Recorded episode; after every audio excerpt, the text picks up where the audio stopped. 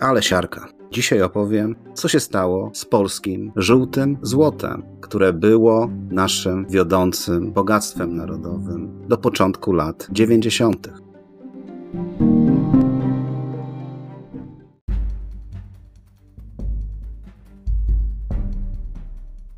Ryszard Kapuściński powiedział: Wszak istnieje coś takiego jak zarażenie podróżą i jest to rodzaj choroby w gruncie rzeczy nieuleczalnej.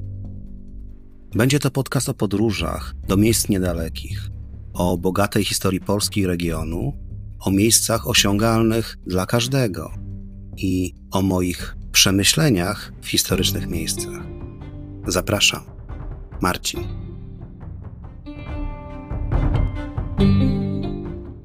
Zacząć należałoby o, od legendy. Legenda o siarce jest pochodną najprawdopodobniej legendy o smoku wafelskim. Każdym razie ja widzę pewne podobieństwo. Dawno, dawno temu w okolicach Staszowa przebywał ogromny latający smok, który pożerał wszystko, co napotkał na swej drodze. Owce, konie czy inne bydło. Władcą Staszowa był w tym czasie niejaki Kmiotko. Dobry pan, który w potrzebie nie zostawił nikogo, więc postanowił on zgładzić smoka i oswobodzić swój lud a udręczony całą sytuacją lud postanowił rozprawić się ze smokiem, tak jak chciał tego pan. Znane było powszechnie, że potwór po obfitym posiłku zawsze popijał dużo wody. Staż był mądrym władcą i chciał obmyślić chytry plan, aby raz na zawsze pozbyć się upierdliwego gościa. Więc razem z mieszkańcami wpadli na pomysł, aby nazbierać grzybów, tych trujących, jak najwięcej i przygotować z nich zupę grzybową dla smoka. I tak też zrobili. Grzyby zbierali całe popołudnie, całe chmary ludzi zbierały grzyby. Z obawy nawet przed zatruciem wody w strumyku był zakaz mycia rąk w strumyku, bo były do, do mycia rąk specjalne balie. Kosze z grzybami zostały załadowane na wozy i zawiezione do wsi. Chłopi przygotowali wielkie ognisko, na nim umieścili ogromny kocioł, w którym niewiasty ugotowały ogromny gar zupy, który zaniesiono smokowi. Głodna bestia szybko pochłonęła cały posiłek. Smok zaczął machać skrzydłami, chciał lecieć do góry wysoko, ale nie mógł się poderwać do lotu. Słab z minuty na minutę, a po pewnym czasie zaczął się zataczać i padł na ziemię, jak długi. Mieszkańcy zaczęli się cieszyć, że pozbyli się smoka. Ucztowano, radowano się. Nagle zobaczyli, że z pyska smokowi zaczyna się sączyć żółta, cuchnąca ciecz. Był jej ogromnej ilości i wlewała się w głąb szczelin popękanej ziemi. Nie wiedzieli, co mają robić. Żółta ciecz była wszędzie. Pozostawiono wykopać głębokie domy i ciecz tam zakopać. W pewnej chwili pomyśleli, że żółta skała to złoto, bo lśni krystalicznie w słońcu.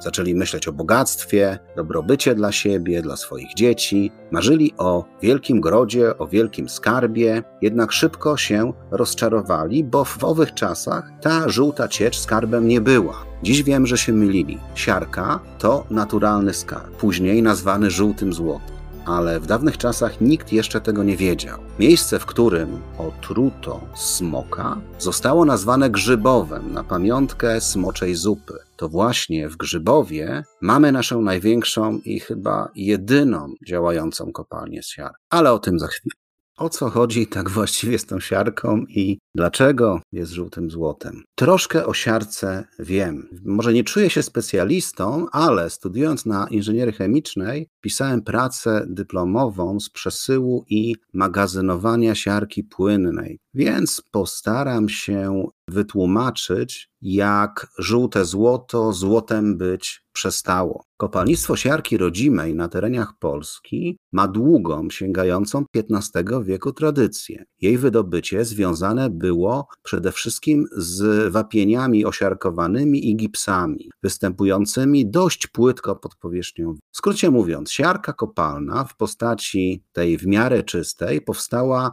z siarkowodoru, najprawdopodobniej towarzyszącemu powstawaniu węgla czy ropy naftowej z, pre, z prehistorycznej flory, lub z gazów zawierających dwutlenek siarki. Jeśli takowe natrafiły na skałę, powstawały gipsy, ale gips to nie siarka. Przetworzenia gipsu na siarkę w czystszej, żółtej formie dokonały na najprawdopodobniej mikroreaktory chemiczne zwane bakteriami. I tak powstały w różnych miejscach świata złoża żółtego złota. W przeszłości istniało kilka ośrodków kopalnictwa siarki tutaj w Polsce. Stare kopalnie znajdowały się na Górnym Śląsku, a także w okolicach Krakowa. Kopalnia w Sfoszowicach, o której za chwilę powiem, oraz kopalnie w województwie świętokrzyskim. Złoża w Sfoszowicach eksploatowane były do 1884 roku i należały do największych znanych w tym czasie w Europie. Szacuje się, że kopalnie sfaszowickie dały swej historii łączne wydobycie około 200 tysięcy ton siarki. Dziś koło Krakowa znajduje się uzdrowisko znane z siarczkowych wód leczniczych. Eksploatacja siarki w większości wymienionych kopalń trwała do czasów międzywojennych, a jeśli się przeniesiemy na chwilę do Krakowa z Foszowca, to jest tam nawet szlak górnictwa siarkowego, którym można się wybrać. Promuje to na stronie, na swojej stronie gmina. Skoro siarka w owym czasie była wydobywana, musiała być do czegoś potrzebna. Więc w starożytności palne właściwości siarki były wykorzystywane do dezynfekcji i zapobiegały zarazom. Już wtedy zauważono również, że kąpiele w źródłach, z których wydziela się siarka, mają właściwości lecznicze czy dobroczynne działanie na skórę oraz układ nerwowy. Dymem siarkowym okadzano także beczki do przechowywania wina. Po wynalezieniu broni palnej siarka zyskała wielkie znaczenie jako składnik prochu, prochu czarnego, które każde zainteresowane chemią dziecko produkowało we własnym zakresie, bo wielu chemików początek zainteresowań zawdzięcza zamiłowaniu do produkcji materiałów palnych czy wybuchowych w pierwszym zakresie zainteresowań, czyli chemia się zaczyna od piromanii. Także to przechodziłem, a prok czarny jest mieszaniną przecież węgla drzewnego, ciarki oraz saletry potasowej. Saletrę kupowało się w sklepie chemicznym, bo służyła do peklowania mięsa.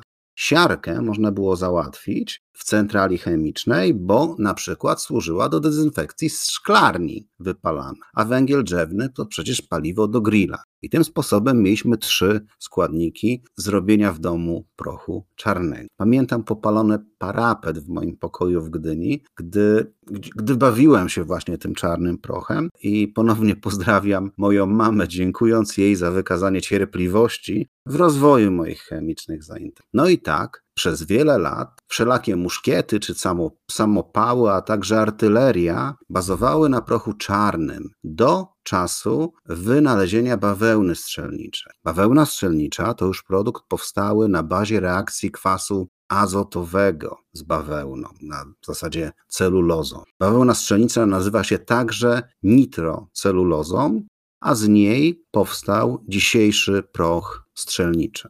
Ale to jest nie koniec zastosowań siarki. Jeśli siarkę spalimy, powstaje dwutlenek siarki który przy odrobinie szczęścia, to znaczy przy użyciu czegoś takiego, co się w chemii nazywa katalizatorem, na przykład pięciotlenku wadatu, stanie się już trójtlenkiem siarki. A ten trójtlenek siarki rozpuszczony w wodzie staje się kwasem siarkowym. Pamiętamy go na przykład, ja go pamiętam z elektrolitu w akumulatorze dużego Fiata mojego. No jeśli przywieziemy na przykład z Maroka fosfaty, to jest taki minerał, wygląda jak kurz albo piasek, to kwas siarkowy można zamienić na fosforo przy okazji pewnej reakcji chemicznej, a ten posłuży tworzeniu nawozów sztucznych. Siarka jest również naturalnym polimerem, więc znajduje zastosowanie w przemyśle gumowym jako wulkanizator. Dlatego dziś już nie pali się opon podczas nocy świętojańskiej na dziko, na dziko zorganizowanych ogniskach. Kurczę, pomyślcie, ile siary szło w atmosferę w latach 80., kiedy palono na świętego Jana te opony. Opony też palono przed przed budynkiem Rady Ministrów, no to też jest duża emisja siarki do atmosfery. Dziś opony są utylizowane w cementowniach, więc palone w wysokiej temperaturze, siarka wiąże się z materiałem, tworząc gips. Jest jeszcze jedno określenie związane z kwasem siarkowym. w ramach wiedzy niepotrzebnej czy wiedzy do krzyżówek. Jest to oleum. I ono się ma nijak do oleum, o którym opowiadał w trylogii Onufry Zagłoba, bo oleum to kwas siarkowy tak zwany dymiący, czyli wysoko stężony kwas z rozpuszczonym trójtlenkiem siarki. Uwaga, ma nawet stężenie do, 100, do 130%, może więcej, nie pamiętam. Takowe oleum jest na przykład stosowane w produkcji kaprolaktamu, materiału wsadowego do produkcji nylonu, czyli nylonu, który jest na przykład w rajstopach czy w osnowach opon. Za komuny ten nylon nazywał się w Polsce stylon, w bratnim NRD Dederonem, a tak naprawdę chyba został wymyślony przez koncern Rone Puller. W NRD produkowany był w Guben, po drugiej stronie miasta Gubina, a fabryka polimeru istnieje do dziś i jest własnością grupy Azoty. To jest też ciekawe. Po II wojnie światowej trwały intensywne prace wiertnicze pod kierunkiem profesora Stanisława Pawłowskiego. Podczas wiercenia na głębokości 80 metrów natrafiono na grubą warstwę utworów siarkowych, które odkryto w rejonie Tarnobrzega oraz w rejonie Staszowa. To już jest wspomniany Grzybów. Ten Grzybów związany z legendą. Więc w latach 70. siarka jest polskim złotem, które z chęcią importuje od nas cały świat. Czyli tak jak już powiedziałem, Polska eksportuje siarkę w postaci sypkiej, granulowanej i płynnej. No i muszę też nawiązać do moich zawodowych przygód. Nie tylko moich, ale także mojego taty i ojca chrzestnego. Pamiętam, jak tata pracował, pozdrawiam tatę Grzesia i tatę chrzestnego wujka Maćka. Pod koniec lat 70. PZTM, w którym pracowali obaj moi tatusiowie, zamówił w Szwecji i eksploatował specjalistyczne statki, tak zwane żółtki. Były to statki do przesyłu siarki płynnej. Było ich w sumie cztery. Nie jestem pewien nazw tych statków, ale pamiętam nazwy Tarnobrzeg, profesor Bogdanowicz, chyba Siarkopol i chyba Zagłębie Siarkowe. Może dobrze wymieniłem wszystkie nazwy tych statków. Co więcej, na studiach pierwszych moich praktykowałem w serwisie automatyki okrętowej i remontowałem dwa z nich. Siarkowol posiadał bazę w Gdańsku, niedaleko Westerplatte i warowni Wisłoujście. Tam statki PZM przewoziły złoto w postaci sypkiej i płynnej. Jeszcze na początku lat 90., kiedy to ja jako junior pracowałem w PZM-ie, woziliśmy tarnobrzeską siarkę do Maroka, przywożąc z powrotem fosfaty do Gdańska, Polic czy Szczecina. Ale krótko pracowałem na statku. Pod koniec lat 80. Polska zajmowała trzecie miejsce na świecie w wydobyciu siarki. Górnictwo siarkowe stanowiło ważną dochodową gałąź przemysłową. Tylko z dwóch wyrobisk, Piaseczno, czy, a te drugie się nazywało Machu, łącznie wydobyto 82 miliony ton skał siarkonośnych, potem je przetworzono na 15 milionów ton siarki rafinowanej. W drugiej połowie lat 90. niestety Koniunktura siarki na rynkach światowych ulega załamaniu. Na statku już wtedy nie pracowałem, ale zaczynając swoją przygodę z pracą dla przemysłu chemicznego, pamiętam odkrywkową kopalnię w Tarnobrzegu. Robiło to wrażenie. Kres przemysłowi wydobywczemu przyniosło pojawienie się taniej siarki pochodzącej z odsiarczania ropy naftowej i gazu ziemnego. Bo jak wiecie albo i nie, ropa naftowa albo gaz ziemny mają w sobie siarkę. I nie chcemy tej siarki spalać w naszych silnikach. Po pierwsze, żeby nie zabić silnika, a po drugie, żeby nie emitować do siarki do atmosfery. Więc w rafineriach czy przy wydobyciu gazu na polach gazowych budowane są instalacje odsiarczania. I te instalacje odsiarczania nazywają się, łatwo zapamiętać, SRU i ARU, a z angielska Sulfur Recovery Unit i Amine Recovery Unit. Więc amin, czyli amina. Amina sobie krąży na takiej instalacji i kleją się do niej z lubością wszelkie związki siarki. No tak w skrócie mówiąc. Następnie ta amina oddaje swoje zasiarczone gazy na instalację Klausa. Instalacja Klausa to jest taka instalacja, gdzie jak się spali ten gaz, to się bardzo specyficznie go spala w podwójnej reakcji chemicznej, po to, żeby uzyskać siarkę elementarną. I naprawdę czysta siarka jest uzyskiwana z rafinerii. Jak wydobyć tę siarkę z ropy? No tu jest też bardzo ciekawa, ciekawa rzecz dla ludzi, którzy nie są z branży. Stosuje się tak zwane hydroodsiarczanie, czyli wodór odpowiednio przygotowany, trudno powiedzieć odpowiednio przygotowany wodór, ale odpowiednio podany wodór lepi tą siarkę do siebie i mamy takie związki jak siarkowodór czy tio. No i właśnie ten wodór e, w rafineriach produkuje się z gazu ziemnego. Wodór jest potrzebny również do, do reakcji crackingowych czy uwodornienia w rafineriach. Także jak słyszycie dzisiaj szczególnie o zamknięciu kurka z gazem, to w tym wypadku, w wypadku naszego kraju, tu nie chodzi o prąd. Mogą nam stanąć rafinerie bez gazu. Ale, przepraszam, tyle dygresji. Więc taki, e, taka rafineria ma siarkę jako, z angielska to się nazywa byproduct, ale to jest tak naprawdę produkt odpadowy. Swego czasu można było zaobserwować na polach gazowych czy naftowych hałdy siarki, ale obecnie cały świat chce jeść, przemysł nawozów sztucznych rośnie i rośnie, więc zapotrzebowanie na siarkę rośnie również. No jeszcze niebezpieczny dla tej siarki był kwas hutniczy. Kwas hutniczy, który pochodził w wyniku oczyszczania rudy w hutach miedzi i cynku. A w Polsce akurat takowe posiadamy, w okolicy również są takie fabryki. No i ten kwas hutniczy też wypierał kwas produkowany na bazie spalania siarki, o czym mówiłem poprzednio. I tak koniec końców została tylko jedna kopalnia na świecie. Dlatego pozostała kopalnia grzybów. Właśnie ta kopalnia z legendy o Grzybowie.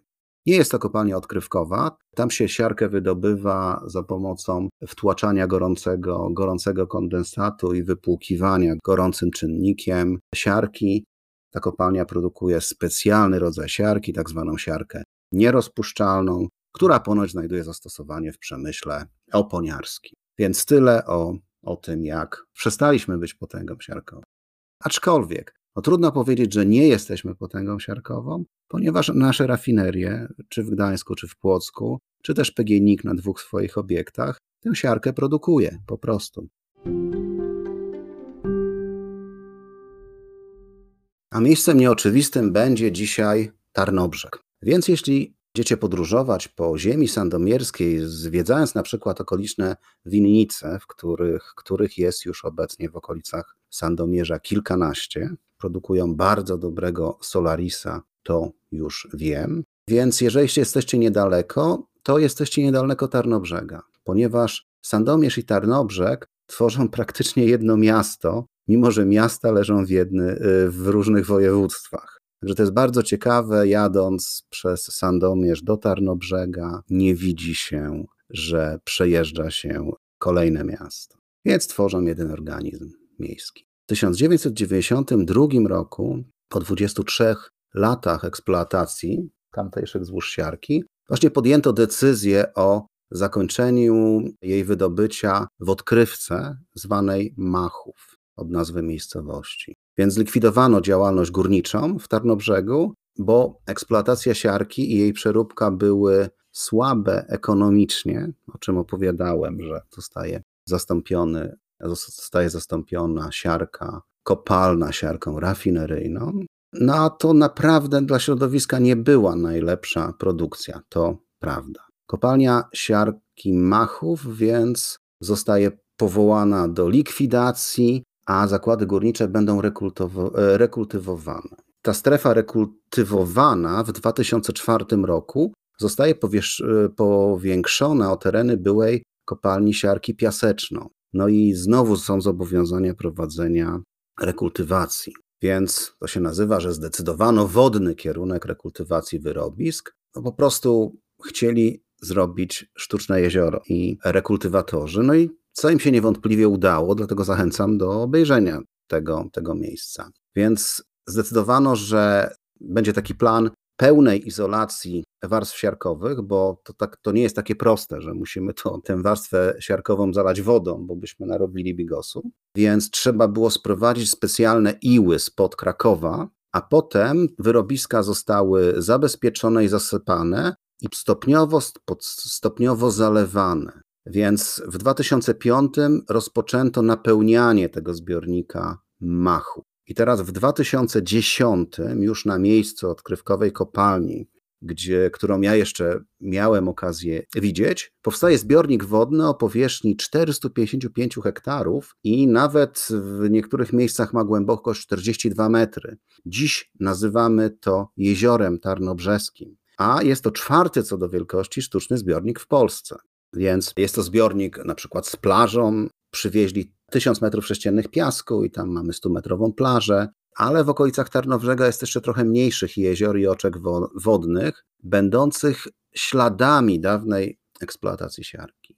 Jest tam także trochę po postapokaliptycznych budynków. Spieszcie się je zobaczyć, bo te postapokaliptyczne budynki to są pozostałości właśnie po tych dawnych zakładach. Spieszcie się je zobaczyć, bo specjalna strefa ekonomiczna wchłania te tereny i buduje nowe obiekty, a po na przykład zakładach Siarkopo została na przykład elektrociepłownia, wiesz, tam, tam są media, tam bardzo można bardzo szybko zbudować fabrykę i władze się na pewno bardzo cieszą. Chciałem nawet na te stare obiekty puścić drona, ale był za duży wiatr po mojej ostatniej przygodzie z dronem, kiedy go rozwaliłem. Okrążając zamek w Rawie Mazowieckiej mam trochę uraz, więc wiatr był zbyt duży. Nad jeziorem jest wiele restauracji, w których możemy wypić kawę, sobie tam zatrzymać się na parkingu i wyobrazić dużą odkrywkę z taśmociągami, kombajnami w miejscu dzisiejszego właśnie jeziora. Ale jeżeli chcemy dokonać jeszcze lepszej wizualizacji,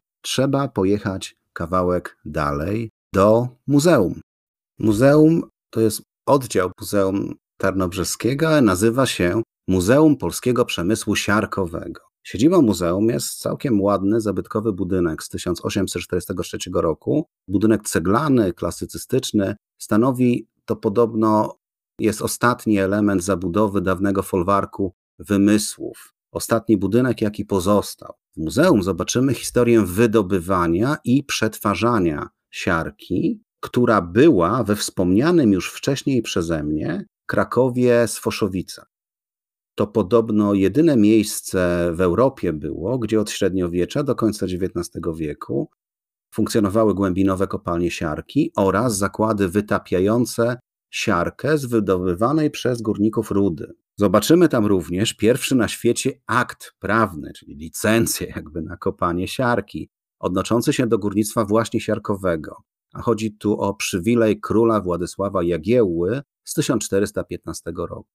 Zobaczymy też rekonstrukcję średniowiecznego szybu i chodnika kopalni oraz przodka wydobywczego rudy siarkowej. Narzędzia i kaganki też zobaczymy, a także oryginalne kamienne, jak to się nazywać powinno, kamienne wytopy z hałdy pochutniczej i to jest podobno z XVI wieku. Zobaczymy również rekonstrukcję pracowni alchemicznej sprzed kilkuset lat. O współczesnej siarce opowiada druga ekspozycja. Tak jak już mówiłem, żeby to dobrze zwizualizować sobie, co się działo na tym jeziorze, o którym opowiedziałem, warto właśnie zobaczyć tę drugą ekspozycję w muzeum. Wystawa pokazuje kopalnie i zakłady przetwórcze siarki właśnie działającej w drugiej połowie XX wieku. Więc tam zobaczymy na przykład modele maszyn i urządzeń, schematy koparek, jak to wszystko działało, czyli dla ludzi zainteresowanych technikaliami gorąco polecam.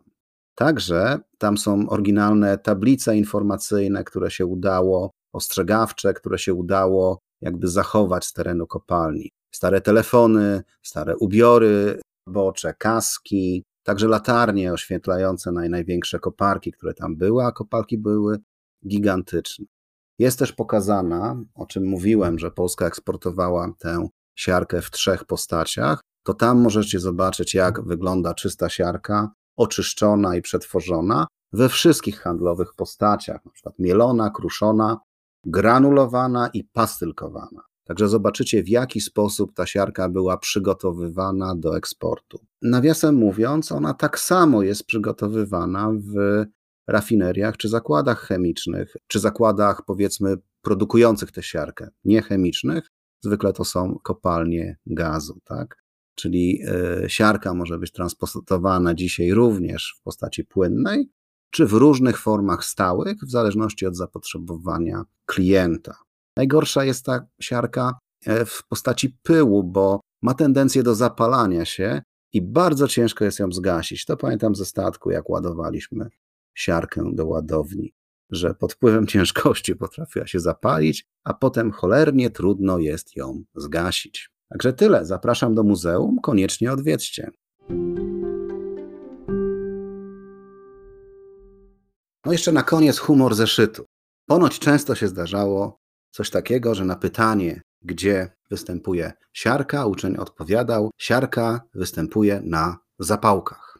Więc to żółte, co mamy na zapałkach, nie jest siarką. Jeszcze biorąc pod uwagę, że czasami potrafi być czerwone, potrafi być brązowe. Mówię o masie na zapałkach. Żółta masa na zapałkach to nie jest siarka. To, co nazywamy popularnie siarką na zapałkach, jest mieszaniną różnych związków chemicznych.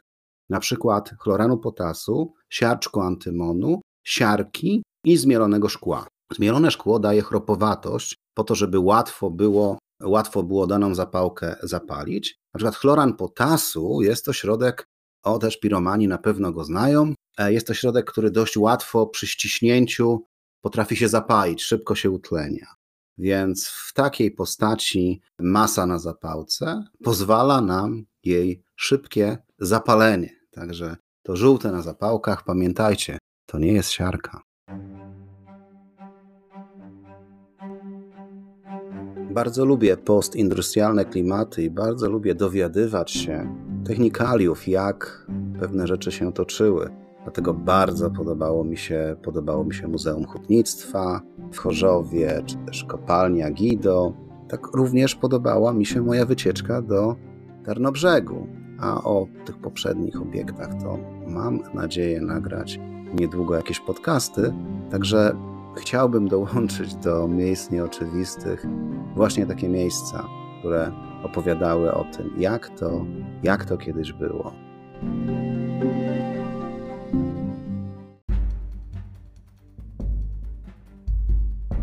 Dziękuję za wysłuchanie dzisiejszego podcastu. Czekam na uwagi o tym odcinku na Facebooku i Instagramie. Możecie także ocenić ten podcast w serwisach Spotify, Apple czy Player FM. Wasze pozytywne oceny ułatwią dotarcie do kolejnych słuchaczy. Możecie także postawić mi wirtualną kawę w serwisie Buy Coffee pod adresem podcast Miejsca Nieoczywiste. Środki przeznaczam na promocję podcastu w mediach społecznościowych. Jeżeli macie pomysł na odcinek, poproszę o mail na adres domwdawidach.gmail.com.